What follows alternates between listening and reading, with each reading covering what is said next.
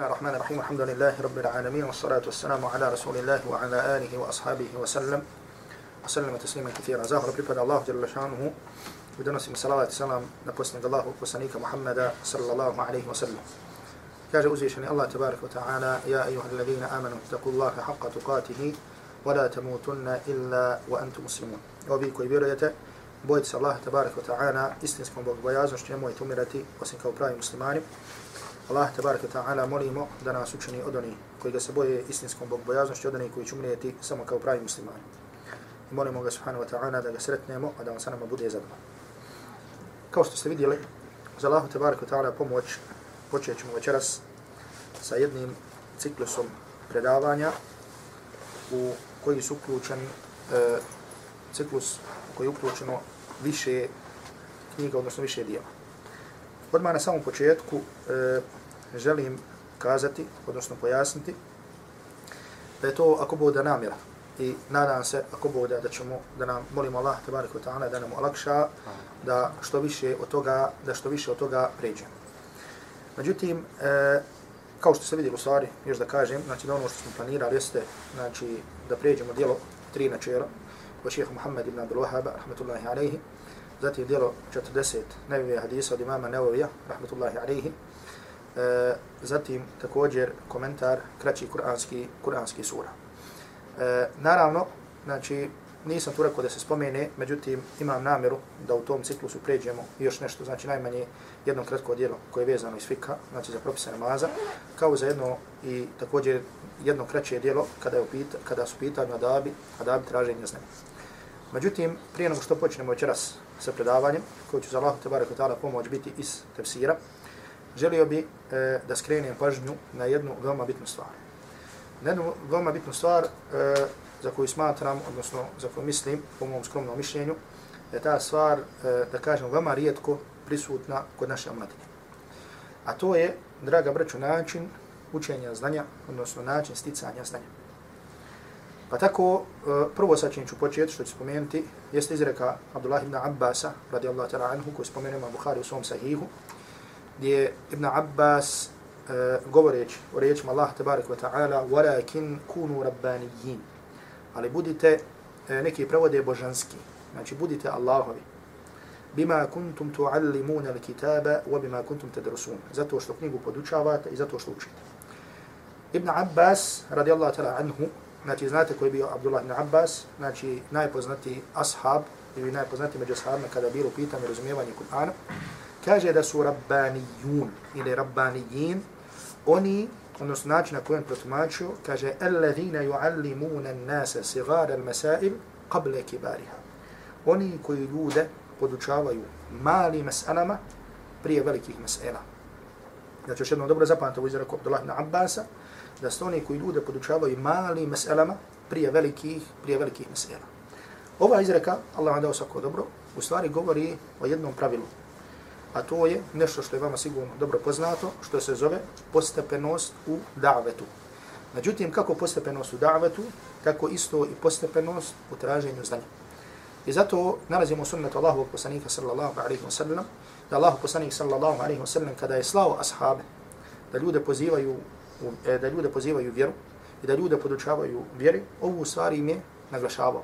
Pa tako zabilježi imam Bukhari muslim u svojim sahihima od Ibn Abbas radijallahu ta'la anhu, da je poslanik sallallahu alaihi wasallam rekao Abu Musa al-Ash'ariju i Mu'adu, uz Mu'ad ibn Jabalu, kada ga je poslao u Jemen, innaka ta'ti qawman min ahli l-kitab, falikun awwala ma tada'uhum ilaihim, šahadatu an la ilaha illa.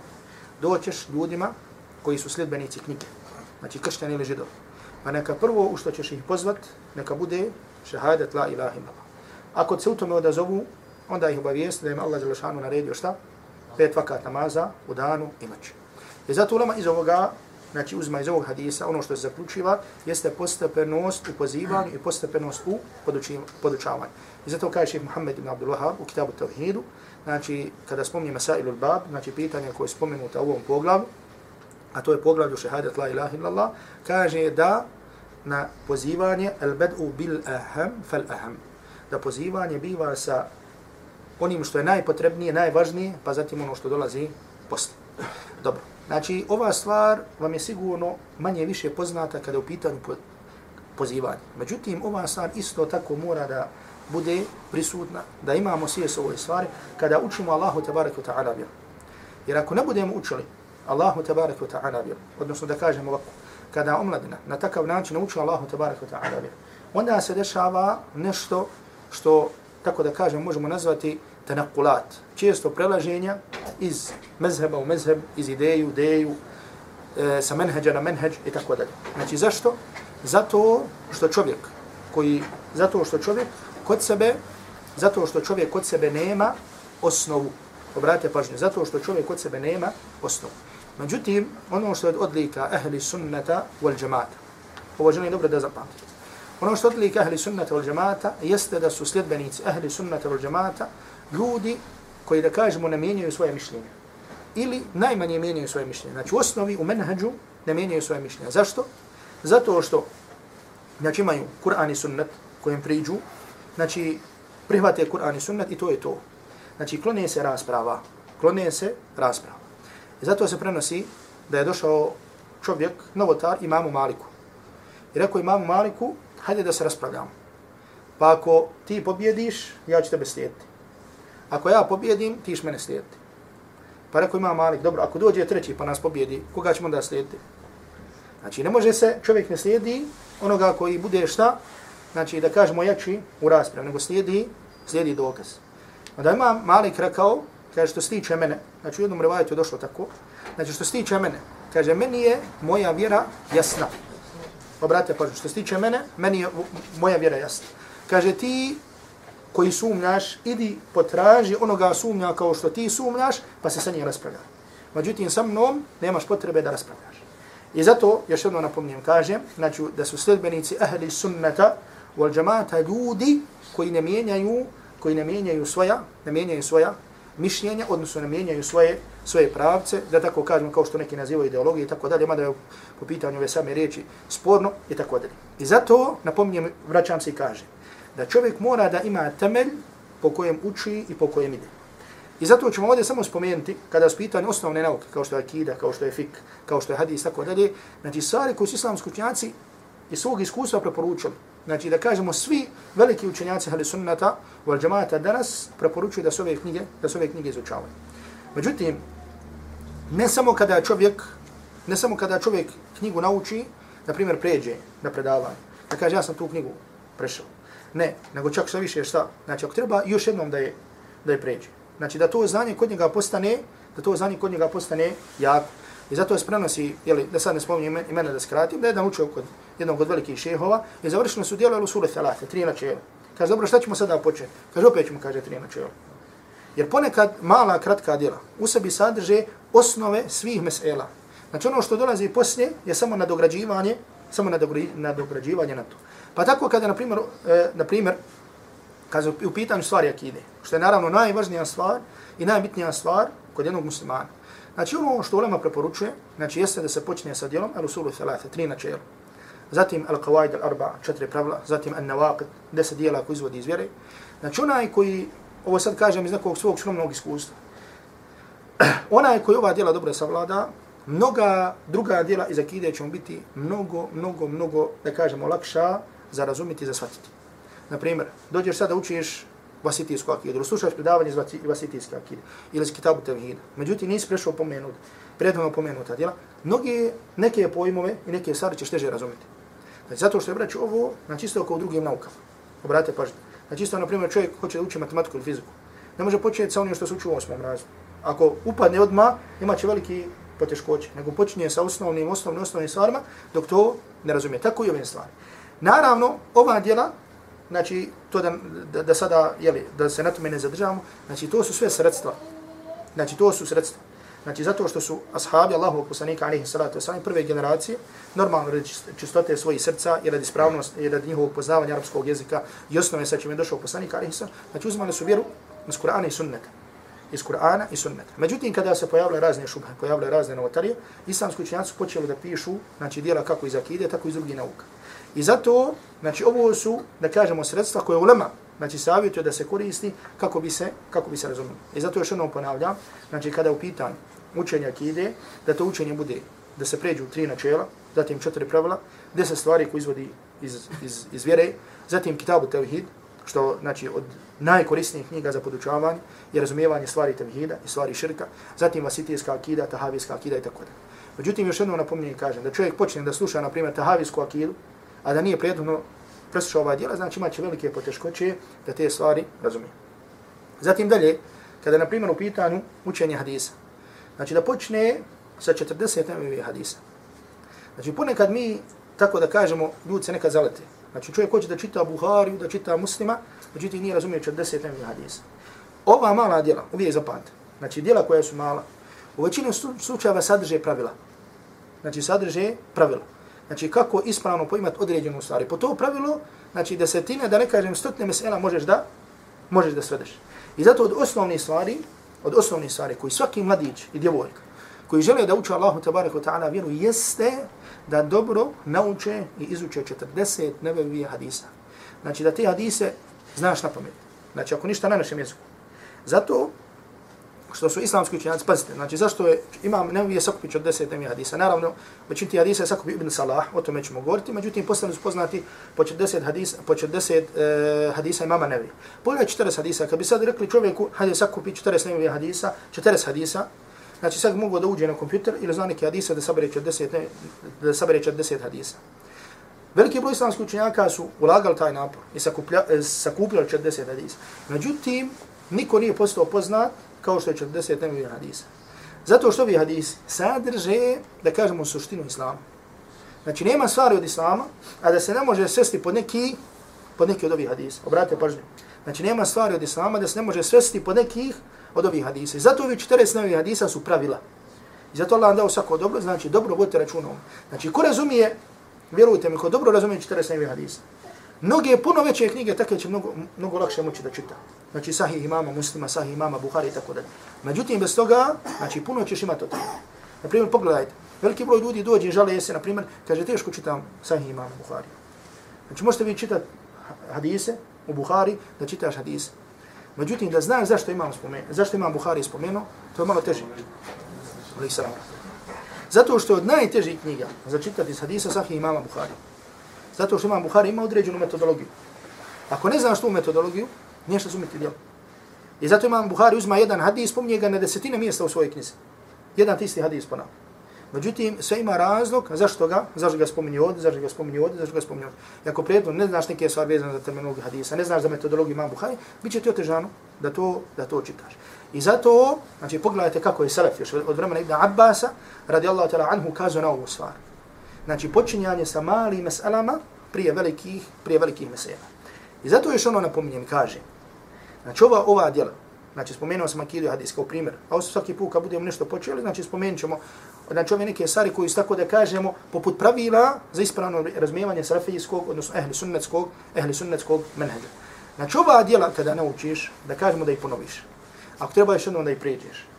Kasnije stvari koje naučiš dodatno da vidiš gdje se oni mogu, da se, znači da kod sebe imaš jednu, jednu osnovu. Pogledajte kako su ljudi prije. Pogledajte kako su ljudi prije. Naravno, u tim stvarima je bilo dosta grešaka. Prije su ljudi imali jedan ili mihal. Znači ja ne kažem da je to sad ispravo. Međutim ima jedan ili mihal i to je za njega osnova. Sve što kasnije nauči to se vraća na što? Ne mihal, u mihalu je imao i propise namaza i lijepo ponašanje, ono i tako dalje. E zato, i zato islamski učenjaci, veliki. Na primjer, bilo je veliki islamski učenjaka čija biblioteka privatna. Nije možda bila, da kažemo, nekoliko komentara knjiga. Kažu šehe Huseimina, znači skroz mala biblioteka. Zato što je šehe, na primjer, i ono što je savjeto učenik. Imao jedno dijelo iz fikha, na primjer, koje je podučavao, na primjer, zadru mustakni, i sve što je drugo očito od veliki, veliki dijela vezo, vezivo za ta dijela. I prilikom učenja, prilikom, prilikom podučavanja. I zadalo vas sam gradio, obratite računa, povete računa o ovom pravilu. Dobro. Ono kao što sam rekao, sa čim ćemo večeras početi, uz Allaha tabarak wa ta'ala pomoć jeste tefsir. I tefsir je, Allah nam dao svako dobro, znači osnova svih nauka. Znači razumijevanje Kur'ana. Zato što iz razumijevanja Kur'ana, znači naravno dolazi poj, i poimanje sunneta Allahovog poslanika, alihi salatu wasalam, i osnovni izvori za druge nauke su, znači Kur'an i sunnet, naravno na prvom mjestu spominje, spominje Kur'an. Ono što za Allahov djelašanu pomoć imam namjer da pređemo, jeste tefsir Fatihe i tefsir kraćih Kur'anskih sura. I zato sada ćete ovdje vidjeti potrebu. Znači koliko nas, na primjer, može, ovdje sada tražim da dignete ruku, koliko nas sada bi moglo na primjer da kažemo, evo znamo Fatihu i znamo deset zadnjih kuranskih sura. Koliko nas je u stanju da dođe nekom prijatelju i da o svakoj o toj, kuran, o, o toj kuranskoj suri priča 15 minuta. Da kaže ova kuran, Fatiha ti govori o tome, o tome, o tome, i glavne pouke, poruke su, pouke, poruke ove kuranske sure su to. Znači, nek svak odgovori, nek svak odgovori samom sebi. Da ne kažem, te sure, znači koliko puta učim, učim, međutim, ne, ne, zna, ne znamo što znači, ne znamo pouke, pouke toga. Zar nije osnovni, da kažemo cilj, objavljivanjem Kur'ana, razmišljanjem kur'anskim ajetima? Znači, naravno da jeste. I zato e, mislim da ćete kroz ovaj ders o Fatihi, mad sam ovaj ders držao, ona, ili da kažemo možda u kraćoj verziji, gore kao zove Veritas. Međutim, ona, ponovit ćemo ga, ponovit ćemo ga opet. Znači, kroz primjer Fatihe ćete vidjeti koliko smo u potrebi, koliko smo u potrebi za ovim. Ali koliko znanja, koliko je znanja. Samo sadržano, da kažemo, u 10 ili 15 ili 20 kuranskih sura. Znači, koliko znanja je sadržano u 10 ili 15 ili nešto manje, nešto više kuranski, kuranski sura. Dobro, kada je u pitanju e, Fatiha, znači počet ćemo sa, kao što smo rekli, sa komentarom Fatihe, sa tefsirom Fatihe. E, Fatiha, znači kao što znate, učimo je na svakom namazu, odnosno na svakom rekiatu. I ako bi čovjek klanio samo farz namaze, znači u jednom danu prouči Fatihu koliko puta? Prouči Fatihu, prouči Fatihu 17, 17 puta. Ako samo, kažemo, ako samo klanja farz. Ako klanja više od toga, znači naravno broj je veliki. Koliko svaki dan prouči, koliko svake sedmice prouči, koliko svakog mjeseca prouči, znači možete, možete izračunati. Toliko čovjek uči Fatihu, međutim znali značenje, odnosno pouke i poruke ove kuranske, kuranske sure. Ova kuranska sura, Allah dao svako dobro, je najuzvišenija kuranska sura. Znači najuzvišenija kuranska sura. I još ćete vidjeti iz govoru učenjaka, mada ćete ukratko spomenuti, najuzvišenija kuranska sura jeste, jeste Fatiha. I zato je zabilježi imam Bukhari u svom sahihu, da bu Sa'ida ibn Mu'alla, radijallahu ta'la anhu, kaže, bio sam u mesjidu, pa me zovnu Allahu poslanik sallallahu alaihi wa sallam, fa lam uđibhu. Bio sam u mesjidu klanju. Pa me zonu poslanik sallallahu alaihi wa sallam, fa. Pa mu se nisam odazvao. Pa sam mu došao i rekao sam Allahu poslaniće, bio sam u namazu, bio sam klanjao. Pa mi je poslanik sallallahu alaihi wa sallam rekao, zar uzvišeni Allah tabaraka wa ta'ala ne kaže, istajibu lillahi wa lirrasuli ila da'aku odazovite se Allahu i poslaniku kada vas zovu. To jest, trebao si se odazvati poslaniku sallallahu alaihi wa sallam, pa makar da si bio ili što si bio, ili što si bio u namazu. Pa me je poslanik sallallahu alaihi wa sallam, kaže mu Sa'id ibn Mu'alla, uhvatio za ruku. Pa me je izveo. Pa sam mu rekao Allahu poslaniće, alam takul, zar nisi rekao, lau allimennaka لو علمنك سورة هي أعظم سورة في القرآن الله بسني جزر من يسر كو دتش ما بودوشتي نايزشني أو القرآن سكوي سوري أو القرآن سكي أو القرآن سكي سورة فركو الحمد لله رب العالمين هي سبع المثاني والقرآن العظيم الذي يديده Kaže, alhamdulillahi rabbil alamin, to je Fatiha, kaže, to je sedam koji se ponavljaju i to je Kur'an koji mi je dat. Znači, iz ovog hadisa izlačimo šta? Znači, iz ovog hadisa razumijemo da najuzvišenija kuranska sura je koja? Je Fatiha. Znači zapamte hadis u Buhari od Abu Sa'ida, od Abu Sa'ida ibn Mu'alla, da, rekao Allah, da, da mu je rekao Allahu poslanik, podučit ćete suri, podučit ćete kuranskoj suri koja je najuzvišenija kuranska sura, a to je Fatiha. Naravno uzvišeni Allah tabaraka ta'ala u suri Al-Hijr. Kaže, وَلَقَدْ آتَيْنَاكَ سَبَعًا مِنَ الْمَثَانِ وَالْقُرْآنِ الْعَظِيمِ Mi smo ti dali, znači obraćanje poslaniku sallallahu alaihi wa sallam, mi smo ti dali sedam koji se ponavlja Znači šta misli se sedam koji se ponavlja? Znači od značenja toga, znači oni ajeti i sura se ponavlja zato što se uči, uči se na svakom rekatu. Wala Kur'an al-azim i dali smo ti i dali smo ti uzvišeni i dali smo ti uzvišeni Kur'an. Ova kuranska sura ima veliki broj imena. Znači od osnovnih imena, znači normalno kada kažemo da ima veliki broj imena, to znači e, jer mnoštvo imena kod Arapa ukazuje na, veliča, na veličinu i veličanstvenost nečega. Pa tako, na primjer, sudnji dan, učenjaci spominju da ima preko stotnu imena. Znači, zašto? Radi veličine sudnjeg dan. Tako isto ova kuranska sura, odnosno Fatiha, ima veliki broj imena, što ukazuje na značenje, jer imena su vezana za značenje. Pa tako od Kur'anski sura Fatihe jeste Fatiha. Zašto se zove Fatiha? Znači, zato što sa njim počinje. Sa njom počinje. Fataha jeftahu, znači, znači početi otvoriti. Znači, prva kuranska sura Mushaf je koja? Fatiha i sa njom se počinje i zato je nazvana, zato je nazvana Fatiha. Od naziva Fatihe je također as-sala, je namaz.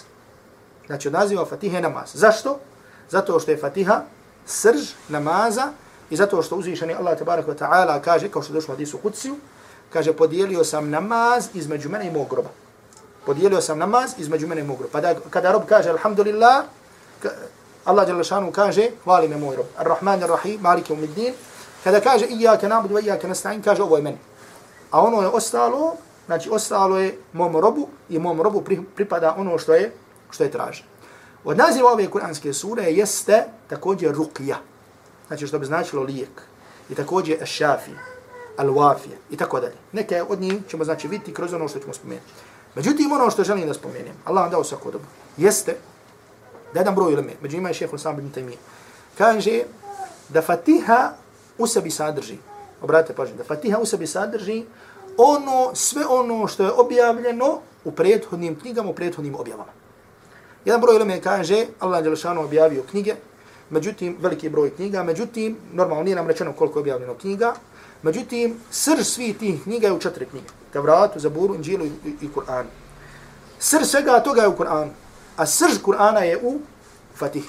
I zato je došlo kod imama Tirmizija, znači da, da kada se kaže za Fatihu, znači da je objavljeno u Kur'anu, misli se na Fatihu, što nije objavljeno u Tevratu, ni u Zaburu, ni u Inđilu.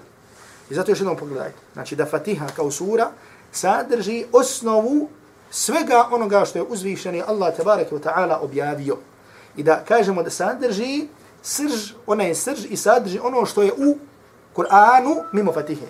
I zato jedan broj uleme kada tumači riječ Allah tabaraka wa ta'ala وَلَقَدْ آتَيْنَاكَ سَبَعًا min al-mathani wal Qur'an al-azim. Mi smo ti dali sedam koji se ponavlja i dali smo ti Kur'an. Jedan broj uleme kaže da se ovdje pod Kur'anom misli na Fatihu.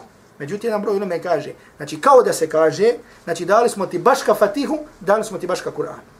Zašto? Zato što je Fatiha, znači u sebi sadrži ono sve što sadrži, znači sve što sadrži Kur'an. I zato još jednom pogledajte, Allah vam dao svako dobro, znači veličanstvenost, odnosno veličinu, odnosno veličinu ove kuranske sure. Naravno, kao što je zabilježi ima muslim, u svom sahihu od Ibn Abbas radijallahu ta'ala anhu, ova kuranska sura je od odlika i specifičnosti poslanika sallallahu alaihi wa sallam. Znači ova kuranska sura je specifična za poslanika sallallahu alaihi wa sallam, kao što je zabilježi ima muslim u svom sahihu od Ibn Abbas radijallahu ta'ala anhu, da je Melek Džibril bio sa poslanikom sallallahu alaihi wa sallam, pa se je začuo škripanje, znači naqid. Pa je Melek Džibril rekao, ovo su vrata koja su otvorena, koja se nisu prija otvarala. Ispustio se Melek koji se nije prija, koji se nije prija spuštao.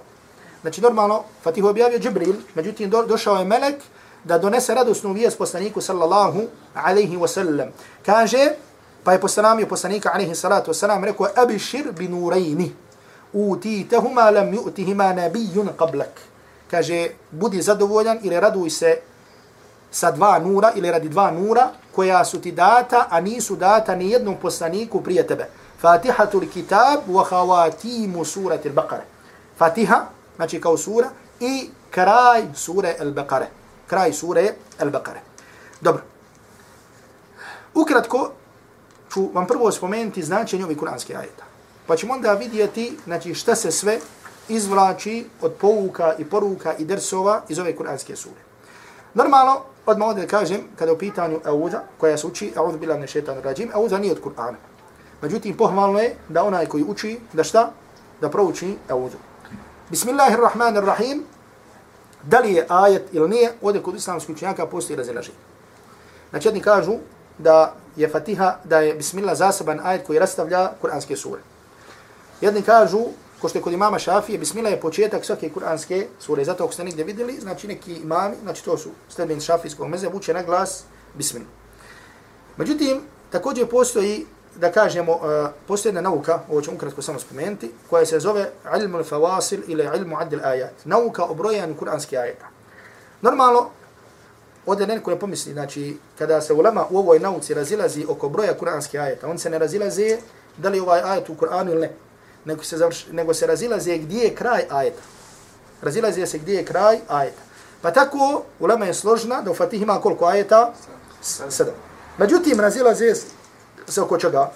Jedni kažu da je bismillah prvi ajet. Dobro, ako kažemo da je bismillah prvi ajet, bismillah rahman rahim, Alhamdulillahi Rabbil Alamin, Ar-Rahman Ar-Rahim, Malik Yawmiddin, Iyaka na'budu iyaka nasta'in. Je tako? Ihdina as-sirata al-mustaqim, sirata alladhina an'amta alayhim ghayri al-maghdubi alayhim wa ad-dallin. Sayyidan ayat. Je u redu? I zato, znači u našim mushafima, zato što je to po kufljanskom brojanju. Znači, bismillah je prvi ajet. Zato u našem mushafu je sirata alladhina an'amta alayhim ghayri al-maghdubi alayhim wa. Amin. Jedan ajet. Na primjer, mushafi iz Maroka. Znači, gdje tamo, znači, rivajet Varša ili rivajet Kaluna. Ko, oni uzimaju po medinskom brojanju. Znači, to su škole koje nazivaju kufransko brojanje, basrijsko brojanje i tako dalje. Kod njih, bismillah, nije prvi ajet sure Fatiha. Nego je kod njih, alhamdulillahi rabbil alamin, šta? Znači, prvi ajet, Ar-Rahman Ar-Rahim, الدين إياك نعبد وإياك wa Iyake nasta'in, Ihdina sirata al-mustaqim, sirata alladhina an'amta alayhim, المغضوب عليهم ولا الضالين آية alayhim. Znači, ovaj zadnji dio ajeta, oni ga smatraju znači dva, dva ajeta. Jel vam ovo, jel vam ovo jasno? Dobro. Bismillahirrahmanirrahim, znači, znači, prevod bi bio, počinjem, znači, počinjem ovo učenje sa Allahom i wa ta'ala imenom. Sa Allahom imenom, milostivim sa milostivim. Znači, ovo ukaziva, znači, znači postiče onoga koji uči, da njegovo učenje bude iskreno Allah tabarak wa ta'ala radi. Zatim, alhamdulillahi rabbil alamin. Zahvala pripada Allahu, gospodaru svih svjetova. Znači, hamd u arapskom jeziku, uh, odmah da vam kaže, znači, postoje, znači, hvala i zahvala. Postoje više termina, znači, ovo čisto da znate, znači, koji imaju približno značenje. Od toga je šukr, od toga je thana i tako dalje. Pa jedni kažu da znači ovo, da znači uglavnom, znači, rezime je da alhamdulillahi rabbil alamin znači, znači, sva hvala, sva zahvala, svako pohvaljivanje Allaha tabaraka wa ta'ala, njegovih imena, njegovih svojstava, znači pripada Allahu tabarak wa ta'ala. Znači hvala i zahvala pripada Allahu. Uvijek i na svakom, u svakom mjestu i na svakom vremenu. I zato drugim ajitima Allah tabarak wa ta'ala kaže وَلَوُ الْحَمْدُ فِي السَّمَاوَاتِ وَفِي الْأَرْضِ njemu pripada hvala i zahvala na nebesima i na zemlji. Walahu alhamdu fil ula wa fil akhirah. Njemu pripada hvala na dunjaluku i na ahiretu. Međutim, ulema kaže da je ovdje, da kažemo kroz ovo obavještenje, jer ovo nije ovo obavještenje, znači ihbar u arapskom jeziku, nije naredba, da ovo obavještenje u sebi sadrži naredbu robovima da zahvaljuju Allahu tabaraka wa ta'ala. I zato vidite koliko kuranski ajeta, znači počinje sa alhamdulillah, koliko dova znači počinje sa, čovjek kada se probudi kaže šta?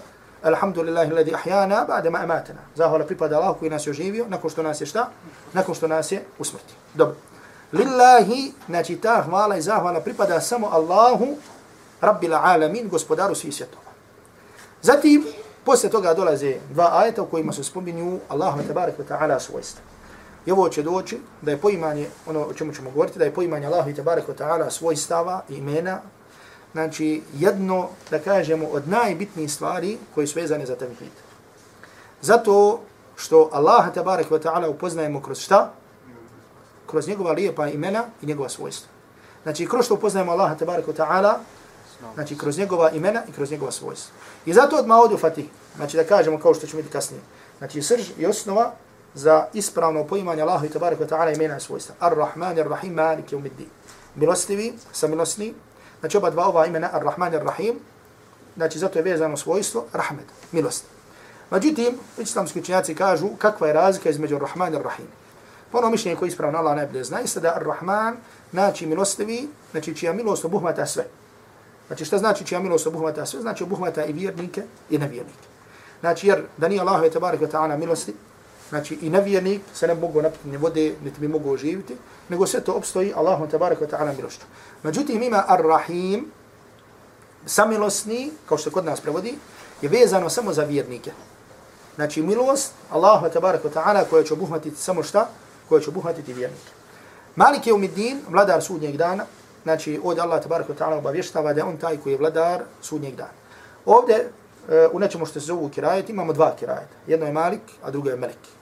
Znači, znači razlika u značenju toga bila vladar i vlasnik. Međutim, o tome sada neću govoriti, možemo nekad kasnije govoriti o kirajeti. Međutim, ti kirajeti, koji ste čuli da ima više, znači postoji deset vjerodostojnih kirajeta, znači, pored, e, normalno svi ti kirajeti su objava od Allaha tabaraka ta'ala.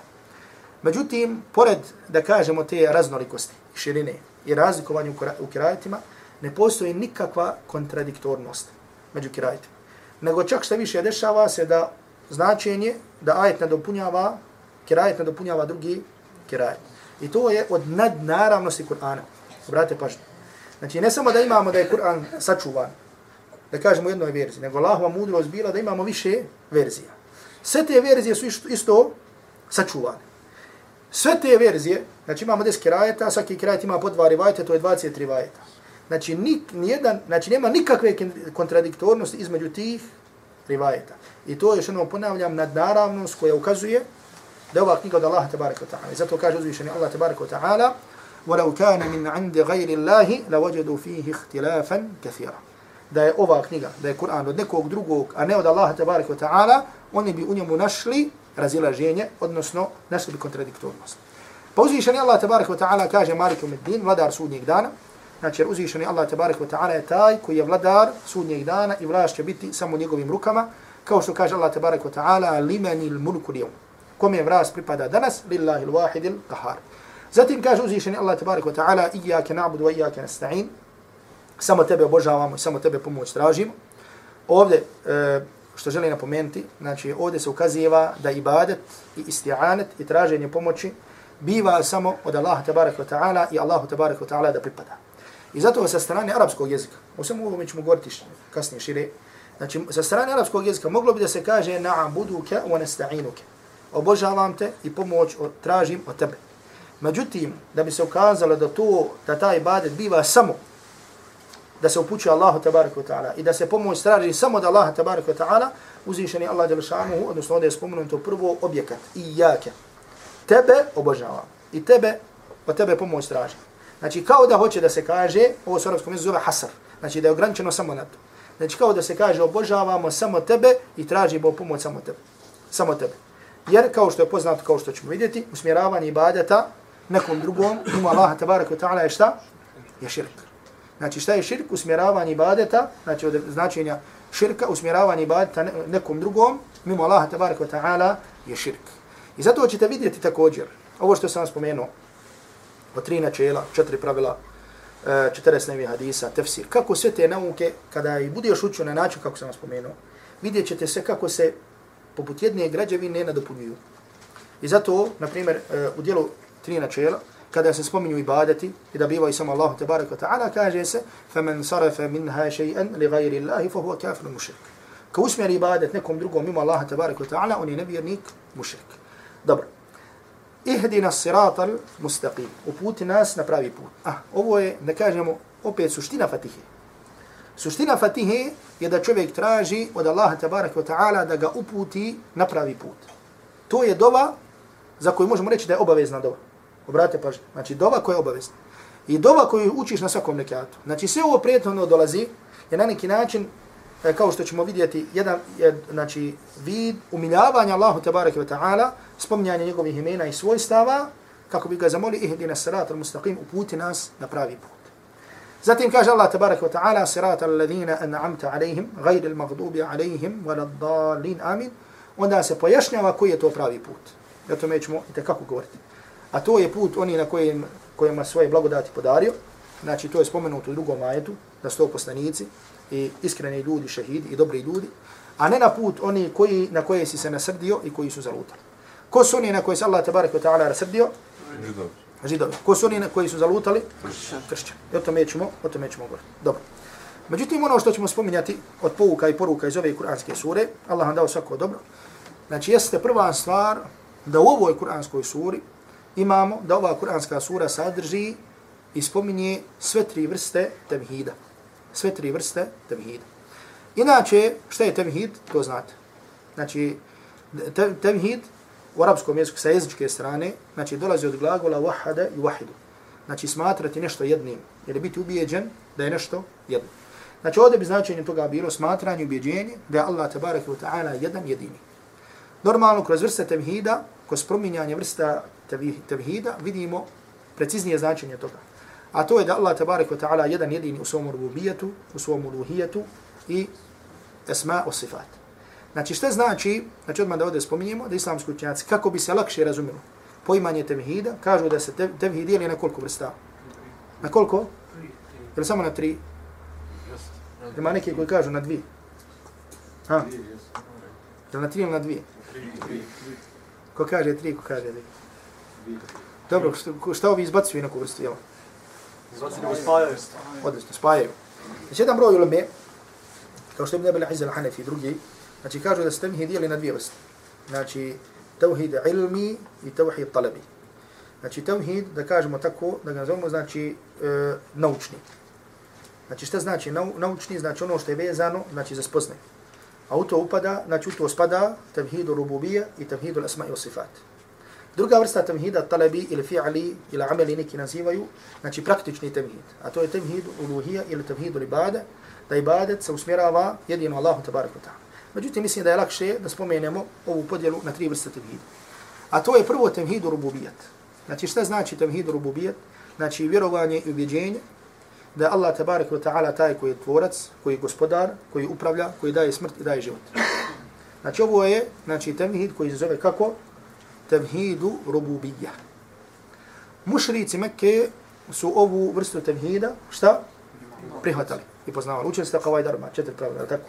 Znači šta kaže ših, al-qaida al-ula, prvo pravilo, da znaš da je Allah tabarik wa ta'ala al-khaliq, al-raziq, al-mudabbir, onaj koji je stvorio, koji daje obskrbu, koji upravlja, i da su mušici Mekke isto tako to govorili, وَلَمْ يُدْخِلْهُمْ ذَلِكَ فِي الْإِسْلَامِ Ali to i nije uvelo u islam. Međutim, da Allah tabarik wa ta'ala sačuva, znači neki koji se pripisuju umetu u ovom vremenu, su gori od mušljika po pitanju ove vrste tevhida. Zato što stvari božanstvenosti ili stvari atribute božanstva pripisuju ljudima ili pojavama. Pa tako oni koji pretjeruju po pitanju šehova, evlija ili poslanika pripisuju njima atributi ili svojstva Allaha, Allaha tabaraka wa ta'ala. Pa su učinili širk, znači kako, nisu čini, kako nije nije Leheb, nije bu Džahal, činio širk po pitanju Lati i Uzzat. Zato što nisu oni vjerovali da Lati i da šta? Znači nisu, stvara, nisu vjerovali da stvara, da upravlja, da daje smrt, da daje kišu. Oni su mislili da je obožavaju, odnosno njima usmjeravali badi kako bi ono opet približili uzvišenom Allahu, tabarik wa ta'ala. Dobro, ova vrsta tevhida, gdje je sadržana u Fatihi? Ha? Alhamdulillahi rabbil alamin. Zahvala pripada Allahu, gospodaru svjetova. Znači, Allah tabarik wa ta'ala je gospodar svjetova, znači on je taj koji je tvorac, jer uh, Rab znači onaj koji je stvorio i koji je učinio, znači i koji daje da to obstane. Dobro, znači, temhidu rububija, razumijemo, znači iz kojeg iz riječi Allah tabaraka wa ta'ala ar-Rahman ar-Rahim. Dobro, uh, alhamdulillahi rabbil alamin. Zahvala pripada Allahu, gospodaru svjetova. Dobro. Druga vrsta temhida je vrsta temhida koji se zove temhidu al-asma i sifat. Spoznaja Allah i tabarak wa ta'ala imena i svojstva. Šta znači ova vrsta tevhida? Naravno, ovdje spominjem ukratko, ovo nije dersi za kide. Znači, ove stvari su opširnije uče gdje? Kad učimo akidu. Jel u redu? Međutim, ono što je bitno da znate jeste da ova vrsta tevhida znači da Allahu tabarak wa ta'ala pripadaju lijepa imena i svojstva savršenosti. Znači, Allah, sva Allahu tabarak wa ta'ala imena su husna, znači lijepa, savršena, njegova imena i njegova svojstva. Zatim ono što je bitno da znamo za ovo jeste da Allah tabarak wa ta'ala upisujemo kako, onako kako je opisao sebe u Kur'anu i kako je opisao poslanik sallallahu alaihi wa sallam u sunnetu. Bez ulaženja u kakvoću toga i bez poređenja Allaha tabaraka wa ta'ala sa njegovim stvorenjem. Kao što kaže Allah tabaraka wa ta'ala, lejse ke mithlihi šeji, vohu sami'u al-basir. Ništa nije poput njega, on sve čuje i sve vidi. Znači ovaj kuranski ajet je osnova kod ehli sunnata za poimanje Allaha tabaraka wa ta'ala, odnosno za poimanje njegovih lijepih imena i svojstava. Ništa nije poput njega, on sve čuje i sve vidi. Pa riječ on sve čuje i sve vidi znači šta? Da Allahu tabarak wa ta'ala pripisujemo ono što je pripisao sebi. Međutim, ne da kažemo da Allah čuje, da Allah vidi kao što vide njegova stvorenja. Jer prvi dio ajta kaže šta? Lejse ka mithlihi šej. Ništa nije poput njega, ništa ne liči ništa ne liči njemu. Naravno, ovdje sad ne želim da ulazim u dublje u tumačenje ovog ajeta, jer ovdje kod Arab, e, znači ovdje se kaže lejse ke mithlihi. Znači ova harf ovdje kaf, ko pozna arapski jezik, ono ko slučili, znači zove se harf zaid, ili harf, ta'kid, harf ta'kid. Znači harf koji pojačava. Znači šta je njegov ulogo? Jer ovdje kad bi rekli sa strane arapskog jezika, lejsa mithlahu še'un, bilo bi spravo. Međutim, ovdje dolazi lejsa ka mithli še'un. Znači ovo jedan broj lemija naziva hruf zaida. Znači dodatni harfovi. Šta znači dodatni harfovi? Znači kad i ne bi bilo, bilo bi značenje ispravno. Međutim, šta je mudro spominjanje toga? Mudro spominjanje kod toga jeste kao da se kaže ništa nije poput njega, ništa nije poput njega, ništa nije poput njega.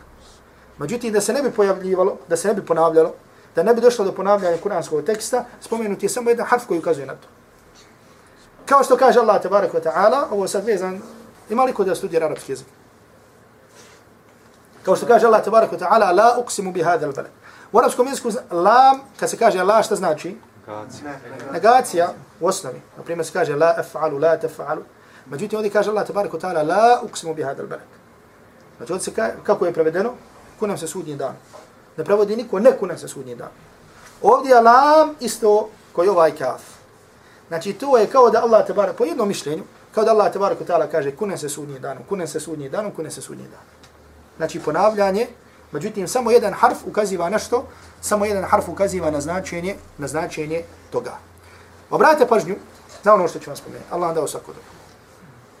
Poimanje Allah mi tabarak wa ta'ala imena i njegove svojstava je od najbitnijih stvari koji su vezane za temhid, od najbitnijih stvari koji su vezane za akidu. I zato su učenjaci hali sunnata wal džamata od vremena pojavljivanja novotarija, nećemo govoriti u istorijat toga, znači od vremena pojavljivanja džahmija i drugi koji su tome slijedili, znači su uložili ogromne napore u odgovarajući na njihove šubhe, na njihove dileme i pojašnjavanje, ispravno pojašnjavanje menheđa ahli sunnata wal džemata. I zato, znači, ne može neko reći da kada je u pitanju poimanja Allahovi svoj stava imena, da tu kod ahli sunnata, da tako kažem, postoji više mišljenja. Ne, tu ne postoji više mišljenja. Znači jedno, jedino je mišljenje ehli sunnata wal džemata i spa, e, spasonosne skupine. A to je poimanje i razumijevanje svojstava, pripisivanje Allahu Đelešanu ono što je pripisao sebi i što mu je pripisao poslanik sallallahu alaihi sallam bez ulaženja u kapoću toga i bez poređenja sa Allahom i tabarik ta'ala stvorenja. Dobro, može neko reći, obratite pošto, može neko reći, dobro, zar to nije neka, neko naziva dogmatska rasprava? Znači neka tako da kažemo teorija koje se raspravlja. Znači, je li Allahova ruka ili Allahova milost, je li Allahova moć i tako dalje i tako dalje. Znači, ne. Znači, ono što je zadaća, ko što spomni Ibn Qayyim, svi poslanika bila, jeste da ljude upoznaju sa svojim gospodarom. Ko je Allah, tabarik wa ta'ala? Da upoznaju sa njegovim imenima i njegovim svojstvima. Zašto? Zato što je spoznaje Allah tabarik wa ta'ala imena i njegovih svojstava vrata da spoznaju Allah tabarik wa ta'ala. Pa zato kada čovjek zna da se Allah tabarik Allah tabarik wa ta'ala spušta u zadnjoj trećini, Znači šta učini? Ustane, dobi Allahu tabarik wa ta'ala za to.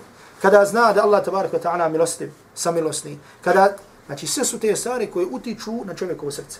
I život čovjekovog srca je vezan za njegovo poimanje Allahu i tabarik wa ta'ala imena i svojstva. I zato, znači, budite oprezni. Znači, kada danas neko omalovažava govor o akidu općenito, međutim, također govor o Allahu i tabarik wa ta'ala svojstva. I zato učenjaci ahli sunnata ne bi pisali zasebna djela.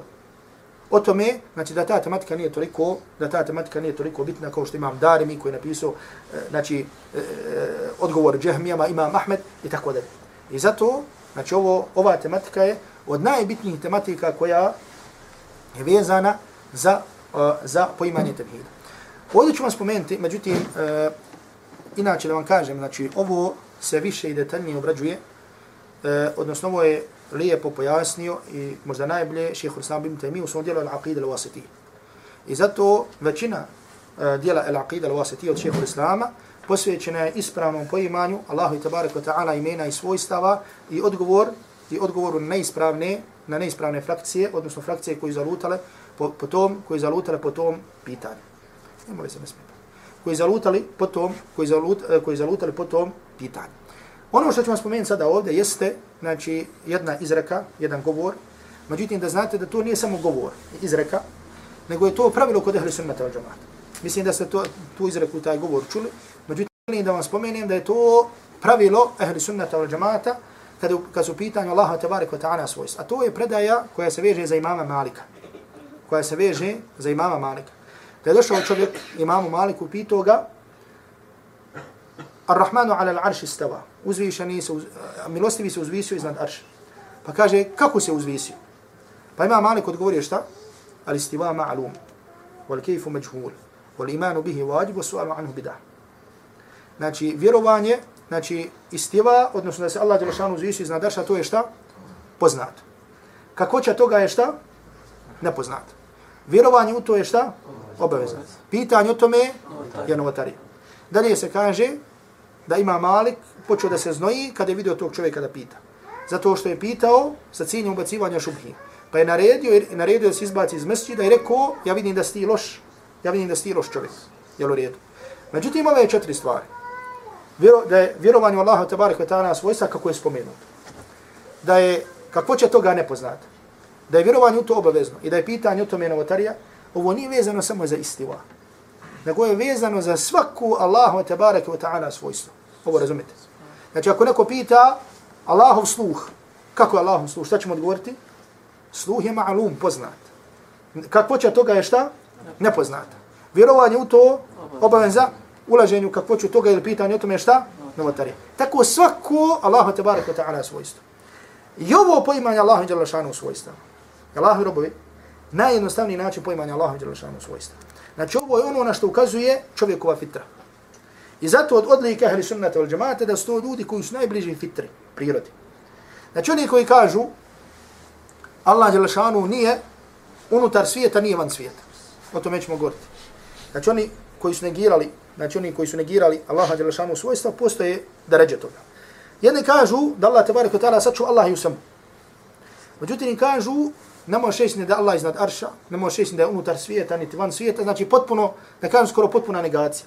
I zato kažu, oni obožavaju, učenjaci ahli sunnata al džemata za njih su govorili, oni obožavaju Adam, obožavaju ono što ne postoji. Obožavaju ono šta? Što ne postoji.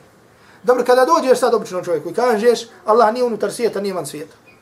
Kako će to spoznati? Može li taj čovjek to razumjeti? Da kažemo lako. Ne može. Čovjek koji ispravne prirode i zdrave prirode ne može da kažemo da te stvari prihvati. Jel u redu?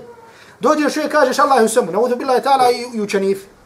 Ko što, o čemu ćemo govoriti, ko što su govorili sledbenici Ibn Arabi i tako da. Hoće li to čovjek pri, prihvatiti zdravog razuma i čiste prirode? Ne može prihvatiti. Međutim, kada kažeš Allah su zisu iznad arša, kako? Onako kako njemu dolikuje. Subhanahu wa ta'ala. Znači, to je najbliže za poimanje znači kada to je najbliže čovjekovoj čovjekovoj prirodi. I zato ahli sunnat wal jamaat prihvata sva svojstva Allaha tebarek wa taala bez pravljenja ikakve razlike. Prihvata onako kako je došlo u Kur'anu i kako je došlo u sunnetu Allahovog Resula sallallahu alaihi wa sallam. Normalno, veliki je broj frakcija koji zalutali po ovom pitanju. Prvi, da kažemo, najveće, najveće devijacije se vežu, vežu, vežu za sektu koja zove kako? Zovu se džahmije. Znači koji također opet postoji razlika među međutim oni ekstremni ekstremne džahmije koji su negirali sva svojstva i sva imena. Da sad ne govorim, da ne spominjem njihovu šubu. Poslije toga su došle mu'tazile koji su prihvatili Allahova imena, ali negirali sva Allahova djelašanu svojstva. Poslije toga njih slijede ešari i maturidije koji prihvataju sedam ili maturidije osam Allahovi svojstava, a drugima čine ta'vil. Daju drugo, daju drugo značenje. I onda dolaze ehli sunnet wal džemat koji prihvata sva Allahova svojstva i imena kako, onako kako dolikuje uzvišenom Allahu te barek Ono samo što želim ovdje da vam spomenem. Jeste, o tome ćemo govoriti također jednoj drugoj pouci i vezano za Fatihu. A to je jedna i takako bitna stvar kada u pitanju poimanje, e, da kažemo, pravog puta, odnosno menheđ ahli sunnat wal džamaat. Ahli sunnat wal džamaat, kao što kaže izreka, i'taqid thumma stadil. Znači, vjeruj u nešto, odnosno ne, istadil thumma i'taqid. Uzmi dokaz za nešto, pa onda u to vjeruj. Znači, učinjaci ahli sunnata wal džamaata šta? Uzmaju prvo dokaz, pa ono što je došlo u tom dokazu, onda šta? U to vjeruju. Međutim, sledbenici strasti i novotari, oni prvo vjeruju, pa onda traže dokaz u Kur'anu ili sunnetu, ima li gdje dokaza za to. Obratite pažnju. Znači oni šta prvo vjeruju, imaju svoje ubiđenja. I onda uzimaju iz Kur'ana i sunneta ono što im šta odgovara. Znači za njih, znači Kur'an i sunnet je poput magazina. Znači tamo imaju dokazi, e, ono što mi paše uzimam. Međutim što mi ne paše, ostavljam. I zato nemojte se čuti da oni koji su govorili da Allah je šanu svugdje, u svemu, da su govorili, zato imam dokaz. U sunnetu poslanika, alaihi salatu wasalam. I zato jedan od zagovarača ovoga je došao i rekao svojim učenicima, ja imam dokaz da je Allah na svakom mjestu. Da Allah dokaz na svemu. Pa smo rekli, rekli dobro, obavijest nas, znači gdje je dokaz da Allah je u svemu. Kaže slučaj Junusa, alaihi salam. Odnosno hadis, da poslanik sallallahu, sallallahu sallam kaže, la tufaddiluni ala Yunus ibn Metta. Kaže, nemojte davati prednost meni nad Yunus ibn Mettom. Ovaj u ovom lafzu, na ovaj način, hadis nije došao. Međutim, dolazi se da čovjek ne kaže da je bolji od Yunus ibn Metta. Međutim, on je uzeo kao ovo, kaže, nemojte davati prednost meni nad Yunus ibn Metta. Dobro, ali kako je dokaz tu da Allah je lešanu samo? Kaže, Yunus ibn Metta je bio gdje? Završi utrobi Gita. A poslanik sallallahu alaihi wa sallam došao do sredetu muntaha na mi'rađu. Pa kaže, bio da je gore, bio da je utrobi kita, kaže to isto, jer kaže Allahu sam. I e to je, pogledajte, znači, naravno, neispravno zaključivanje. Međutim, to je uzeo kao dokaz da Allah je lašanuhu u sam, da Allah te barek ta'ala sačuva. I zato, obratite pažnju, znači, nomotari vraćaju se pod navodnicima na dokaze, međutim, igraju se sa tim dokazima. Međutim, igraju se sa tim šta? Igraju se sa tim sa tim dokazima. Bilo da se radilo rafidijama, džahemijama, haridžijama, murđijama i tako dalje. Dobro. Treća vrsta temhida je temhidul ibada ili temhidul uluhija. Šta znači temhidul ibada ili temhidul uluhija? Odnosno, temhidul asma i vasifat, odakle iz Fatihe uzimamo i razumijemo? Ar-Rahman ar-Rahim, Malik je umitin. Znači, iz ovoga uzimamo, znači ovo je ovdje su spomenuto ime Ar-Rahman, Ar-Rahim, Malik, i da kažemo to je, znači, srž za poimanje Allaha i tabaraka wa ta'ala imena i svojstva. Treća stvar koja dolazi jeste tevhidul ibada ili tevhidul asma i sifat. Znači tevhid ibadata, odnosno tevhidul ibada ili tevhidul uluhija. Znači tevhidul ibade znači da ibadet pripada jedino kome uzvišenom Allahu tabaraka wa ta'ala. Dobro, što je definicija ibadeta? Ha? Ko zna definiciju ibadeta? Ko zna neku definiciju, nek rekne. Hmm? Naziv za ono, za riječi djela javna i tajna. Dobro. I čim je Allah zadovoljen. Dobro, znači definicija ibadeta, definicija koju ćemo spomenuti, je govori šeho Sam ibn Tamije, da kaže da ismu džamin li kulli ma yuhibbuhu Allahu irda min al aqwali wal a'mali zahira wal batina. Da je to zajedničko ime za sve ono sa čim, što Allah Đelšanu voli i sa čim je zadovoljan od riječi i dijela, vidljivih i nevidljivih. Od riječi i dijela vidljivih i nevidljivih. Pa ono što je od koristi ove definicije jeste da vidimo da se dijela dijele na koja? Na vidljiva i nevidljiva. Koja su vidljiva dijela? Namaz, post i tako. Koja su nevidljiva dijela? Srčan ibadet, strah, nada i tako dalje. Znači usmjeravanje bilo koje, bilo koje vrste ibadeta. Nekom drugom, mimo Allaha tabaraka wa ta'ala je šta? Širk.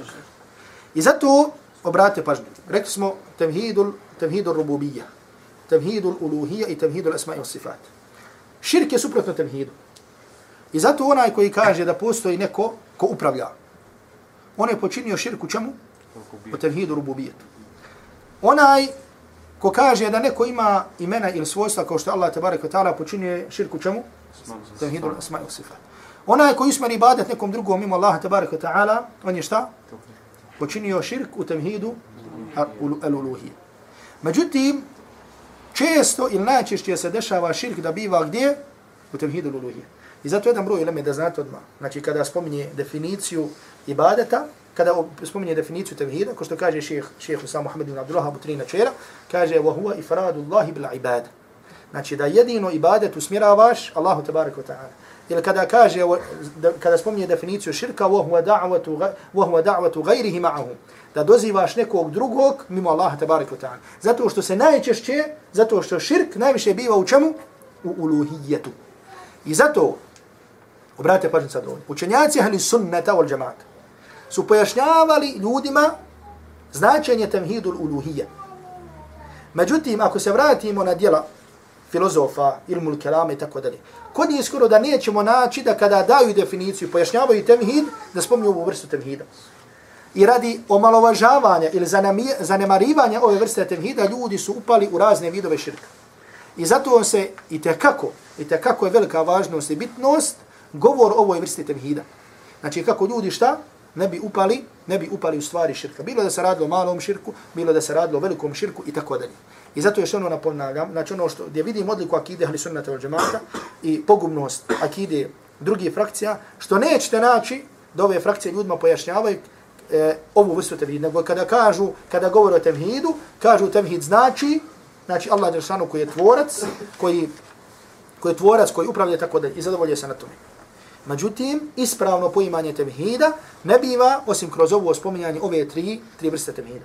Naravno, spominjanje ove tri vrste, ili dvije vrste, kako smo spomenuli. Znači, nije to došlo u govoru ashaba, je tako? Međutim, ovo su učinjaci spomenuli, znači, opet nešto ukazuje Kur'an i Sunne. Znači, isto tako u fiku. Znači, jesu li, je li Abu Bakr znao, kad bi ga, na primjer, upitao koji su šartovi abdesta ili ruknovi abdesta, da kaže šart abdesta je to, to, to, rukna abdesta to, to, to. Znači nisu oni tako učili, nego su razumijevali i sunnetom. Međutim, učenjaci su kasnije, kad su došli Abu Hanifa, Malik, Šafi, Ahmed, kako bi ljudi olakšalima, spomenuli su, znači farzovi abdesta su to, sunneti abdesta su to, abdeste kvari i tako, i tako dalje. Je to? Je to jasno? Znači, i ovo su spomenuli učenjaci ahli sunneta, bilo da se radilo, znači učenjacima hanefijskog mezaba ili šafijskog mezaba ili hanbelijskog mezaba i tako dalje. Zato što danas protivnici temhida, I oni koji se suprostavljaju tevhidu, smijavaju se samom podjelom tevhida. Zašto? Zato što je najveći odgovor protiv njih. I zato kažu kako podjela tevhida. I na primjer kada kažu stvari koje izvode iz vjere, kaže nije abdes, nije, kaže tevhid abdes da se gubi. Znači oni koji se smijavaju sa akidom ehli sunnata vel džemata, tako, tako spojim. Međutim, napomnijem i kažem da kroz ove tri vrste biva potpuno i ispravno poimanje čega? Biva poimanje tevhida. Dobro. Ovo vrsto, ovu, ov, ova vrsta tevhida, odnosno poimanje ove vrste tevhida, iz čega razumijemo? Iyaka na'budu wa iyaka nasta'in. Samo tebe obožavamo i samo tebe pomoć, šta? Samo tebe pomoć tražimo. Jer ovo jasno. Znači još jednom kažem, nije rečeno na'buduka wa nasta'inuka, nego je rečeno šta? Iyaka, znači samo tebe, znači ibadet biva samo tebe. Ne smije da bude nikome drugo mimo Allaha tabaraka wa ta'ala. Kao što traženje pomoći biva samo od Allaha tabaraka wa ta'ala. Znači normalno ovdje sti'anet, kao što nama pojasnila, znači u stvarima koji ne može da ti pomogne niko drugi sam Allaha tabaraka wa ta'ala. Jel u redu? Znači, na primjer, kažeš nekome, dodaj mi čašu, ili daj mi ovo. Znači, to je jedna vrsta isti'aneta, traženje pomoći. Međutim, tražiš od onoga koji može da ti pomogne. Ili kaže, pa u rupu, kaže čovjeku, daj mi ruku. Međutim, čovjek se razbolije sada i doziva tamo nekoga u kaburu, doziva ovoga, doziva ovoga, doziva ovoga, znači, znači traži pomoć od onoga koji ne može da, da mu pomogne. Nego tu može da mu pomogne jedino Allah, te barek ta'ala. Zato je to traženje pomoći šta? Širk. Da Allah, te barek ta'ala, da Allah, te barek ta'ala od toga sačuva. I zato ove stvari, znači nemojte se čuti Allah i robovi.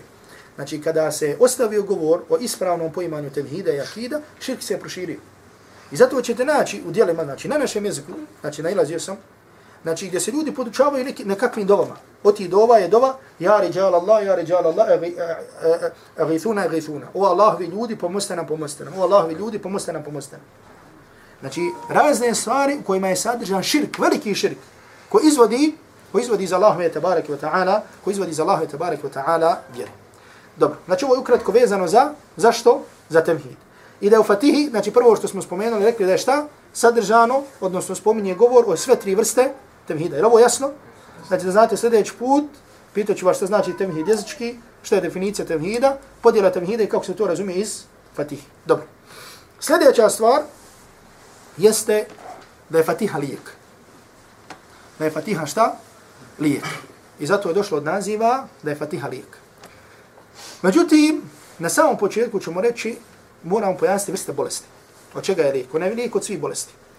Međutim, merad, ili bolest u arapskom jeziku, odnosno bolest kada dođe u Koranu i sunnetu, znači može da bude bolest tijela i bolest duše. Jel u redu? Znači bolest tijela, tijela šta? Od bolesti. Što mi znamo da su bolesti. Bolest duše od čega? O stvari koje su suprotne Koranu i sunnetu. Ova bolest duše se dijeli na dvije vrste. Bolest šahvata i bolest šubheta. Bolest strasti i bolest šubhi dilema. Znači šta znači bolest strasti. Na primjer, čovjek ima strast, odnosno Allah Đelšanu ga iskušao, znači hoće radi strasti da počine određeni grih. Jel u redu? Međutim, šta je bolest šubhe ili dileme? Znači, to je da čovjek upadne u neispravno i pogrešno razumijevanje Allahove tabarik wa ta'ala vjere. I ova bolest je gora od, od prve bolesti. Zato što širk, zato što bid'at i od ove vrste bolesti. Jedan broj eleme spominje vrste grijeha ko što spomenu Ibn Qayyim, koji su najdraži šeitan. Znači, kako šeitan želi da zavede robu. Pa prvo što, u što šeitan hoće da zavede čovjeka je kufr i širk. Ako ne može tu ide gdje? U novatariju. Poslije novotarije, obični grijeh. Da spomenem samo ove tri.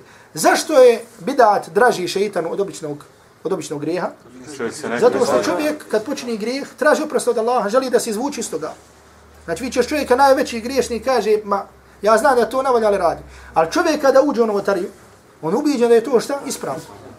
Znači na osnovu toga se grade mnoge stvari. I zato je ova bolest, znači teža od bolesti strasti. Ovo zapamtite. Ono što spominje Ši Sa'di, ovo želim da zabilježite u svom tefsiru, jeste da kaže da je u Fatihi odgovor na svako mišljenje koje je odstupilo od ehli sunnata wal džamata. I da je odgovor svakoj frakciji koja je odstupila od poimanja ehli sunnata wal džamata. Odgovor svakoj toj frakciji je sadržan gdje? U Fatihi. Kako je sadržan u Fatihi? Sadržan u Fatihi, ko zna reći? Gospodine, vi što pišete. Kako se zovete vi? Armija. Armije, ne možeš li reći kako je sadržan u Fatihi? Pa to što se spomnio sve tri vrste tauhida u Fatihi, sadržano je na sljedeći način. Allah tabaraka ta'ala kaže ihdina sirata mustaqim. Je tako? Tražimo da Allah tabaraka ta'ala da nas uputi na pravi put. Dobro, uput nas na pravi put, da kažemo, dobro, put je ovaj, znači svako je na nekom putu, misli da je na ispravnom putu. Međutim, ovdje je došlo pojašnjenje tog ispravnog puta. Znači, pogledajte, u svojoj kratkoći, u Fatih je pojašnjenje ispravnog puta. Gdje je pojašnjenje ispravnog puta? Sirata alladhina an'amta alayhim. Da stanemo samo ovdje. Na put oni kojima je svoje blagodati dao. Dobro. Ko su oni kojima Allah Jelšanu blagodati podario? Kaže Allah tabaraka ta'ala u suri Nisa وَمَنْ يُطَعِ اللَّهَ وَالرَّسُولِ فَأُولَٰئِكَ مَعَ الَّذِينَ أَنْعَمَ اللَّهُ عَلَيْهِمْ مِنَ النَّبِيِّينَ وَالصِّدِّيقِينَ وَالشُّهَدَاءِ وَالصَّالِحِينَ Ako bude pokoran Allahu i poslaniku, on će biti sa onima kojima Allah Jelšanu svoje blagodati podari. Od koga? Od vjerovjesnika.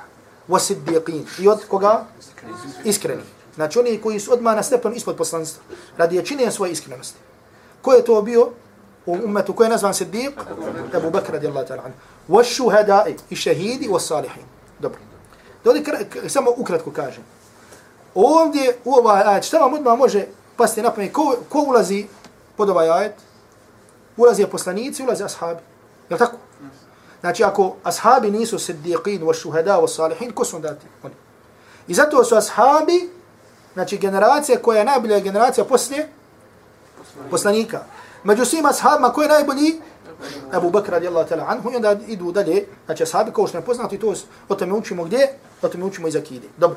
Međutim, kako se ovdje sada ogleda da je Fatiha odgovor na svaku šubhu. Znači zato što u Fatihi moliš Allaha Đalašanu da budeš na putu poslanika i ashaba.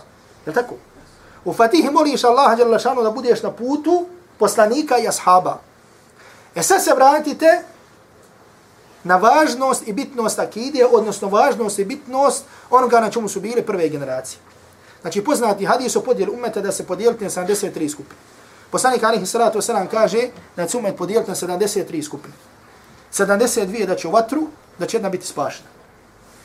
Pa kaže, ko, ko su ti? Upina Allah poslanik, pa je što rekao, ma ana alaihi wa ashabi, ono na čemu sam ja i na čemu su moji ashabi. Jel u redu? Dobro, ove 72 skupine, jesu oni nevjernici ili nisu nevjernici? Ha? Niste. Znači oni rafidije koji, koji dozivaju Ali radijallahu ta'ala anhu, jesu li oni ovdje? Neki jesu, neki nisu. Oni nisu ušli u islama. Dobro, znači ovdje kod, da, da znate, kod islamskih učenjaka jesu oni uopšte nisu ušli u islam. Kada je upitao, razumijem, kada je bio upitao še Džibri, nisu li murtadi, kaže nisu murtadi. Oni aslan ma dahali u islam, oni u osnovi nisu ušli u islam. Pa kako da se odme pred islam? Dobro. E, znači ovdje, znači po pitanju hadisa imamo dva mišljenja. Prvo, da pod ovi 70, do pod ove 72 skupine ulaze da ovo obuhmata i one koji su izašli iz vjere i koji nisu izašli iz vjere. Jer devijacije mogu biti koje, koje izvode čovjek iz vjere i koji čovjeka ne izvode iz vjere. Na primjer, čovjek, kaže, čovjek doziva nekoga mimo Allaha, tabaraka ta'ala. To je šta? Kufr, širk, izašli iz Allaha vjere. Međutim, dođe i pogrešno razumijeva Allahova svojstva. Kaže, nije Allahova ruka, nego Allahova moć. To je šta? Novotarija. Znači, nisu, nije, nije ista devijacija ovoga i nije devi, ista devijacija ovoga. I zato ulema ehli sunnata, kako ne bi učinila nepravdu nekome, znači, dobro je podijelila i same novotarije. Znači, novotarija koja je kufr, novotarija koja nije kufr. Znači, čak i osoba, je li poziva u novotariju, ne poziva u novotariju i tako dalje. O tome sada ovdje nećemo govoriti. Međutim, jedan broj uleme kaže da pod ove 72 skupine, da ona obuhvata samo one koji nisu izašli iz islama. Oni koji su izašli iz islama, kufrom i širkom i drugim stvarima, oni uopšte ne ulaze u ove 72 skupine. Međutim, da su ovdje samo oni koji šta? Koji su ostali u okrilju Islama. I ovo mišljenje da bi šehhur sam ibn Taymi. Je li vam jasno ova dva mišljenja? Dobro. Znači li ovo od ove 72 skupine da će svi ući u vatru? Ne znači. Ovo je od tekstova koji se zovu Nususul Wa'id. Tekstovi prijetni. Znači ovo je prijetnja za onoga koji odstupi od menheđa ahli sunnata vel džemata da će šta? Da će ući u vatru. Međutim, među njima ima oni koji vatre neće dotaknuti. Iz Allahove tebareke ta'ala milosti. Znači, obratite pažnju da znate kada se spomene negdje, na osnovu čega se, na osnovu čega se spomene. Dobro. Međutim, šta je ovdje sada bitno? Obratite pažnju. Šta je sada ovdje bitno? Ovdje je bitno sljedeći. A to su riječi poslanika, alihi salatu wasalam, ma ena alihi.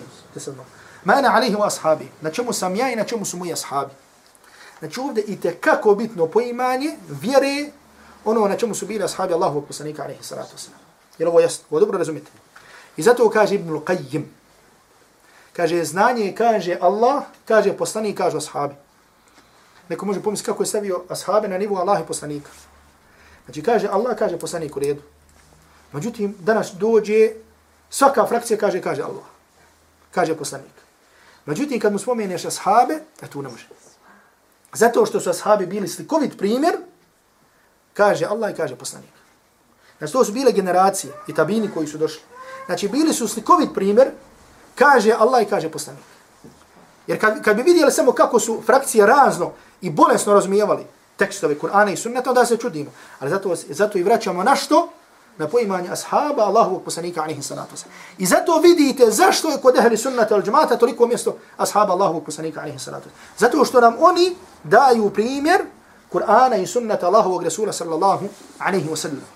I zato ovdje ponavljam ono što sam prethodno bio rekao da je menheđ ehli sunnata, znači da priđeš tekstovima Kur'ana i sunnati, na čemu su bili ashabi, i u to pogledaš i to uzmeš. Međutim, ono što je odlika novotara, jeste da prethodno imaju svoje mišljenja i onda će prkaju, da tako kažem. Po Kur'anu i sunnetu traži nešto što odgovara njima.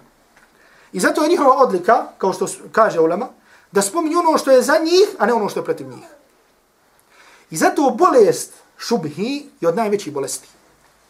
I zato da kažemo, znači, opet ponavljam i kažem, kad bi vidjeli, znači, to nakaradno poimanje Kur'ana i sunnata i pripisivanje to Kur'anu i sunnata, znači, čovjek da se, čovjek da se začudi. I zato, znači, ova bolest, kada uđe u čovjeka, znači, to je virus, znači, bolest novotarije. Osim kome se Allah Đalešanu usmili. Osim kome se Allah Đalešanu usmili. I zato pogledajte ovo. Znači, vidimo to iz primjera. Znači koliko ljudi se pozivaju na nekog šeha, na nekog alema. Kaže taj, taj, taj, taj. Taj rekne nešto što je protiv on, kažu, ma nije on više, on je otišao s pravog puta. Je li tako? Znači nemojte se čuti tome. Ko čita historiju to vidi. Kad je Abdullah ibn Abbas raspravio sa Haridžama. Je li tako? Je li raspravio Abdullah ibn Abbas sa Haridžama? Koliko je bilo? Jedni kažu 12.000. Vratilo se, odnosno vratilo se na ispravno mišljenje, na mišljenje ibn Abbas, samo 2.000 njih. Deset hiljada su ostali. I nisu htjeli da uzmu od Ibn Abbas, iako su znali ko Ibn Abbas. I zato nemojte se čuti danas, kada dođu novotari. Znači, kažeš mu hadis, spomeneš i dokaz, on to odbija. Znači, zato što je to bolest koja od najvećih, od najvećih bolesti. I zato samo da uzme čovjek primjer, historijske primjere nastanka novotarija. Ovo sam spomenuo Haridžije. Želim sad ovdje da spomenem ukratko njima. Zato što dolaze neki ljudi koji šire šube. Znači danas vezano za pojavu ovoga Idiša, Dajiša, nekakvog hilafeta i tako dalje, pa kažu, ne može za njih da su Haridžije.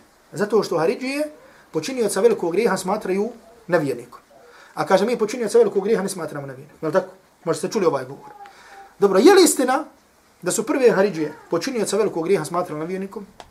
Nije to, draga braću, bio nastanak Haridžija. Takav nastanak Haridžija nije bio nego Haridžije su nastale kako? Ukratko. Došlo je do sukoba između Alije i koga? Muavije radijallahu ta'ala. I došlo je do velike bitke, velikog sukoba. I veliki broj ljudi je poginuo. Prolila se velika krv. I došli su na ideju takozvanog tahkima. Znači što znači tahkim sud? Pomirenje. Znači sad ne do Allah nas ima 50 ode, 50 ode, posađali se i kažemo Armin će ispred ove skupine ovaj će ispred ove skupine, nek njih dvojica to, šta? Pomire. A mi ćemo se držati onoga što oni, što oni odluče. I tako je došlo, pa su rekli da ispred skupine, ispred Muavije radijallahu ta'ala anhu bude ko? Amr? Amr ibn As. Da sa strane Ali radijallahu ta'ala anhu bude ko? Ebu Musa al-Ash'ari, ili kasam Abdullah ibn Qais. Dobro. Međutim, znači taj tahkim ili taj čin, Haridžije su odbile. Odnosno rekli Ali radijallahu ta'ala anhu, zato što si pristao na to, ti si počinio kufr. I tražili su kasnije od Alije da se pokaje od kufra kako bi se kako bi ga prihvatilo. Dobro, šta, kako je to za njih bio kufr? Je to bilo nešto što je da je taj tahkim, znači taj sporazum, da je to grijeh, pa da su oni to rekli to je kufr? Ne. Nego su rekli, pogledajte sad neispravnog mišljenja. Allah Đelšanu kaže inil hukmu illa lillah. Sud pripada Allahu. Pa su rekli, ali sud pripada Allahu, a ti su učinio da sud pripada ljudima. Ti su učinio da sud pripada ljudima. I kažu, sad ti si otišao u kufr. Znači, neispravno poimanje stvari koje izvode ili ne izvode iz Allahove tabareke ta'ala vjeri. I da kad su oni odvojili, neki kažu 12, neki spomnju 20.000. Ali radijallahu ta'ala anhu je poslu Ibn Abbas radijallahu ta'ala anhu. Ali radijallahu ta'ala anhu je poslao koga?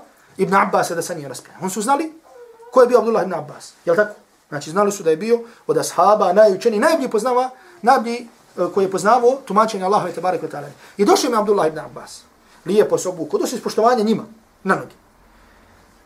Pa im je rekao zbog čega smatrate takvim Ali radijallahu ta'ala anhu i ashabe koji su sa njim. Jer među Haridžima niko nije bio koji je bio, ko, je bio čega, ko, nije, ko je bio od ashaba.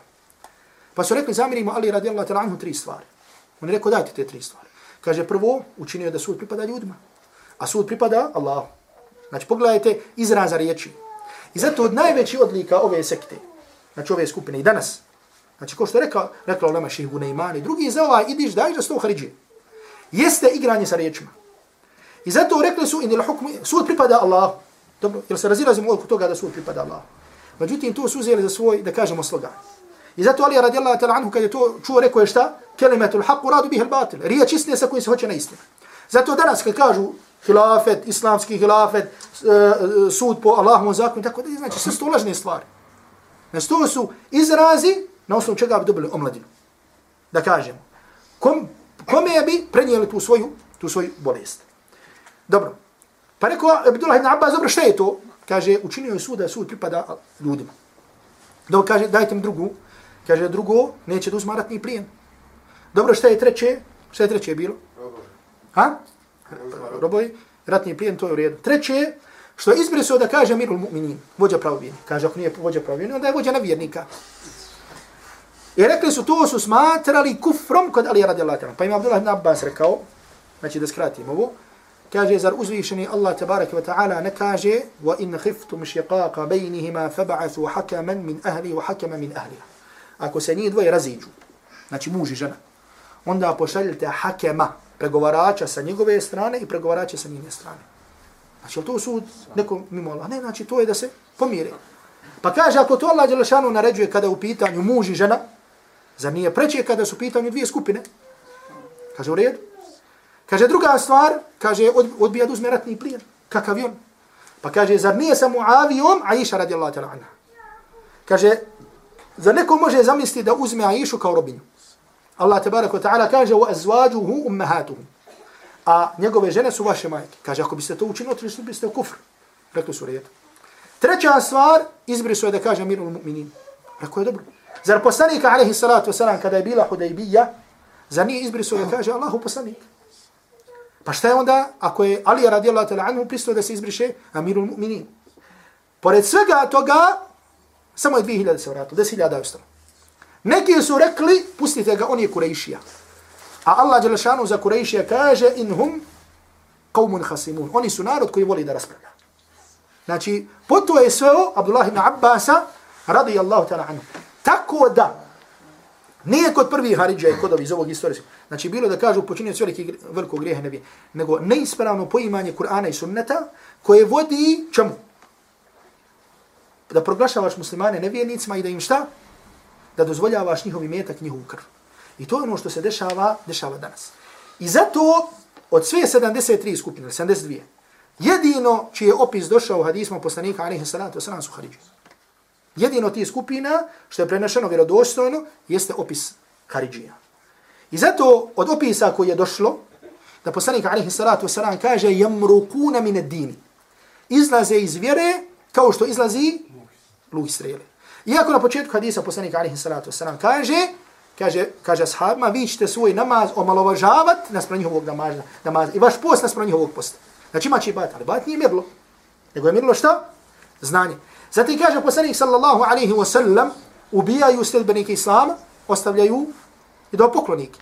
I zato kroz istoriju, kad bi negdje zavladale Haridžije, kako su se muslimani izvlačili, da kažu spašavali glavu, rekli bi ja sam kršćan ili židom. Znači slago Znači ovo, je, ovo u osnovi nije dozvoljeno, ali po slučajem nužde. Rekao bi ja sam kršćan ili onda bi ga ostavljao. Međutim, da zna da si musliman ili ehli sunnata, znači to su bijeli. Zatim poslanik alaihi salatu wasalam kaže, la in adraktuhum, kada bi zatekao, pobio bi kao što je pobijen Samud, kao što je pobijen Ad. Zašto kaže kao što je pobijen Ad? To jeste da niko ne ostane od njih. Zato što su oni virus koji se šta? Virus koji. Zatim poslanik alihi salatu wasalam kaže, šarru l'halqi wal khaliq, da su najgora stvorenja. Još što je došlo spomenuti.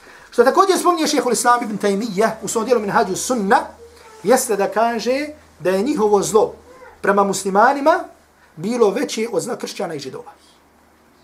Od kršćana i židova. I zato pogledajte.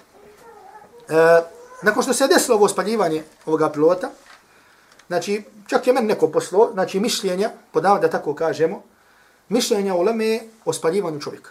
Ne znam da li je došlo do nekog od vas. Kako nefije kažu da može, šafije kažu da može i tako dalje, znači to je fetva od nekakve njihove šarijatske komisije. Ulema je naravno da Allah Đelšanu nagradi, znači pojasnila laž u toj fetvi. Znači laž u toj fetvi. Znači nije čudo da se da sledbenici strasti lažu. Znači e, ja ću možda, ne ovdje nego dole u Mastaru, pročitati ovu fetu i pojasniti, ne kako bi nekoga objeđivo, nego samo kako biste vidjeli, znači laž ovakvih ljudi. Znači kada kažu ova ulema, ova ulema kažu da je dozvoljeno spaljivanje i tako dalje. Znači pored hadisa koji je Buhari, hadisu Buhari, Kaže poslanik alaihi salatu wasalam, kaže ashab kaže poslao nas je poslanik alaihi salatu wasalam i kaže rekao je ako nađete tu dvojicu, spalite ih vatrom. Pa je poslanik alaihi salatu wasalam je zovno i rekao bio sam rekao da ispalite vatrom, međutim sad vam zabranjujem da ispalite vatrom jer vatrom kažnjava samo samo Allah subhanahu wa ta'ala. Znači derogirana stvar. Hadis u Buhari. Oni pored toga uzimaju i igraju se sa mišljenjima. Znači ono što se rekao za nije Kur'an i sunnet šta? magazin iz kojeg uzimaju. Pa kažu ova, ova ulema kaže, ova. ulema kaže, obratite pažnje, ulema kaže, u slučaju da ne možeš doći do neprijatelja, osim granatama, bombama, gdje, gdje, gdje se može desiti spaljivanje, znači to je dozvoljeno da se koristi. Međutim, da uzme, uzmeš, znači kažu, i to spominju da je koncenzus iđma uleme, da uzmeš čovjeka nevjernika, kao pojedinca, i da ga spališ, to je po koncenzusu zabranjeno. Međutim, oni su govor uleme koji govori o šta? O, su, znači, o napadanju na skupinu koja je u tvrđavama, znači doveli da kažu da šta, da je to dozvoljeno da se izvrši nad pojedincom. Znači, to je čista laž. I kako onaj koji poziva se na Kur'an i sunnet, može da se tako, da laže i da se igra sa govorom, sa govorom islamskih učenjaka. I zato Allah robovi, ono što je izlaz iz ovih stvari, znači iz ovih bolesti, znači pogledajte, znači taj način, da kažemo ubijanje, znači to se ukazuje na bolest takvih ljudi i umno, i umna bolest i bolest srca i svega. Znači jeste vraćanje na govor islamskih učenjaka. Vraćanje na govor uleme ahli sunnata wal džamata. I zato Allah dao svako dobro. Ovo sada povezujem s onim što smo na početku rekli. Znači ehli sunnata wal džamaat, znači nema kod njih tenakulat, prelaze s, s ovog poimanja na ovo poimanje. Znači oni uzimaju iz Kur'ana i sunnata i uzimaju iz govora islamskih učenjaka. Zato što ti islamski učenjaci su prišli I pogledali kako je Kur'an i sunnetu to rekli. I nemojte tako da kažu, znači, od stvari, od šubhi koji šire. Jer to ulema kada spominje kroz istoriju da je od odlika Haridžija, kažu da je od njihove odlika da omalovažavaju govor uleme. Ili mjesto i položaj uleme. Znači, šta ćete vidjeti kod današnjih Haridžija? Znači, hoćeš vidjeti kod njega da veliča nekog alima, da kaže ono dozvoljno veličanje, da kaže uzima se. Nećeš vidjeti. Nećeš vidjeti to. Nego ćeš vidjeti u najmanju ruku. Jer dosta koriste takiju, tukiju. Znači isto oko šije, isto oko rafilije.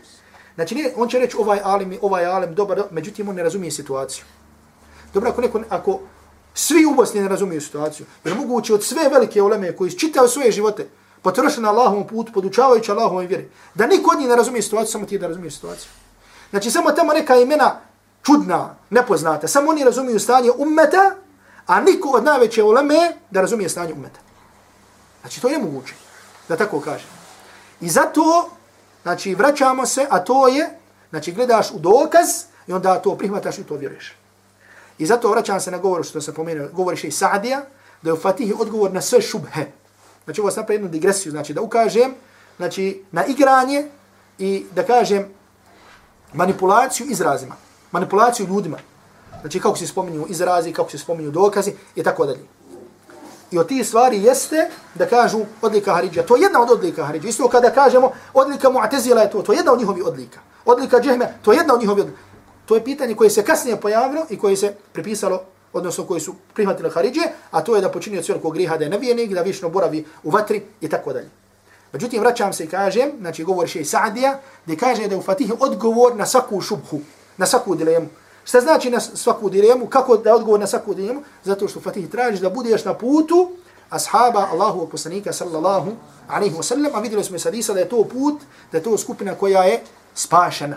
I zato što od odlike ahli sunnata val džamata, obratite pažnju, znači, s ovim ću završiti, znači dvije, dvije stvari. Znači da je to znači, skupina koja je nađija i koja je mansura, koja je spašena i koja je pobjedonosna. I zato kaže šehr Islam ibn Taymiyyah na početku svog djela al-aqida al-wasitiyya wa ba'du fa hada i'tiqadu al-firqati an-najiyati al-mansura ila qiyam as-sa'a. Ovo je vjerovanje pobjedonosne skupine, spašene pobjedonosne skupine. Znači odlika ahli sunnata wal džemata da je spašena i da je pobjedonosna. Šta znači da je spašena? Odnosi se na što? Među 73 skupine ona je spašena. Šta znači da je pobjedonosna? Jedina opstaka. Znači ona koja je opstala ili... Međutim, zar ne dođu momenti kada je ahli sunnata wal džemata poniža? Dođu li momenti? Dođu. Međutim, ovdje se misli snaga. Snaga u čemu? Snaga je čina dokaza. Zato što, znači, nasar ili pobjeda biva na dva načina. Ili pobjeda u smislu da se zavlada ili pobjeda dokaza. Međutim, dokaz ehli sunnata al džemata je uvijek taj koji pobjeđuje, pa makar ne znam koliko da novotari bili jaki i koliko malo da bili ehli sunnata al džemata. I zato kaže Allah tabarak wa ta'ala wa inna jundana lahumul ghalibun. I naša vojska je ta koja pobjeđuje. Međutim, dobro, se nije dešavalo da su bijali poslanike. Dešavalo se. Međutim, pobjeda biva na dva načina. Pobjeda sa sabljom, odnosno znači sa vlasti i pobjeda sa dokazima. Ehli sunnet wal džemaat, kao i sledbenici islama, su uvijek dokazanima. Znači da kažemo da svi žive, da su svi u jednom gradu kršćani ili židovi, da živi samo jedan musliman. Ko je jači kada je u pitanju dokaz? Jači je musliman. Tako isto kada je u pitanju ehli sunnet wal džemaat u odnosu na druge, u odnosu na druge, u odnosu na druge frakcije. Znači ovo su bile dvije stvari koje smo spomenuli šta? Iz Fatihe. Prvo, znači da je Fatih, Fatih sadržan govor o temhidu, drugo, da je Fatiha lijek. I potim smo spomenuli, znači lijek od, znači čega od šubhi. A također ćemo spomenuti, znači lijek od, lijek od strasti i tako dalje. Inša Allah i ta'ala sljedeći put, za Allah te ta'ala pomoć nastavljamo. Sa ovim sallallahu ala Muhammedin wa alihi wa sahbihi wa sallam wa sallam wa sallam.